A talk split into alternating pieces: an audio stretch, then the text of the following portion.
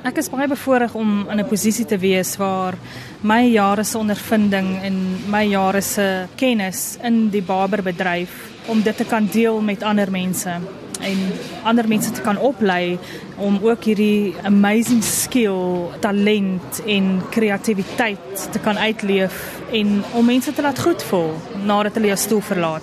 Ek probeer ook mense kies wat minder bevoorreg is en wat nie geleentheid gehad het nie om hulle op te lei in 'n vaardigheid wat hulle regtig waar kan gebruik wêreldwyd. Sal jy sê dat dit 'n nuwe tendens is dat mans opgelei word in die skoonheidsbedryf? Mans word definitief meer opgelei in die skoonheidsbedryf.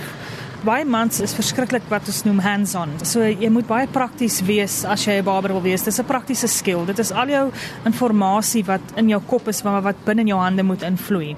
So ek dink dis ook 'n ander ambag wat eintlik ongelukkig in Suid-Afrika het daardie ambag doodgeloop. So 'n barber is geleer omdat sy pa 'n barber was vir 60 jaar het hy net maar in die barbershop begin werk en so het net maar aangegaan. Hy het nou maar net die ambag so aangeleer soos wat hy aangegaan het. So daar was nooit formele formele opleiding nie. En en ek dink dis hoekom mans dan nie regtig in daai lyn ingegaan het nie.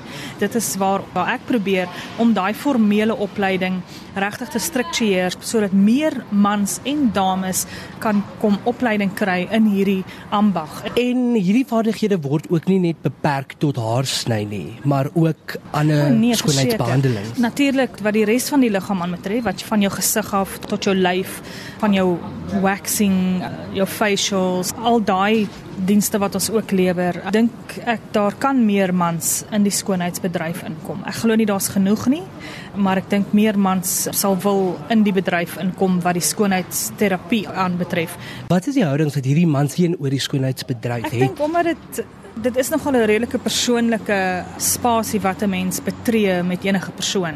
Maar op 'n professionele vlak in enige industrie waar 'n mens regtig waar in daai persoonlike spasie inkom, glo ek dat wanneer dit persoonlik professioneel hou en glo ek nie dit kan enigsins ongemaklik wees om dit so te stel nie.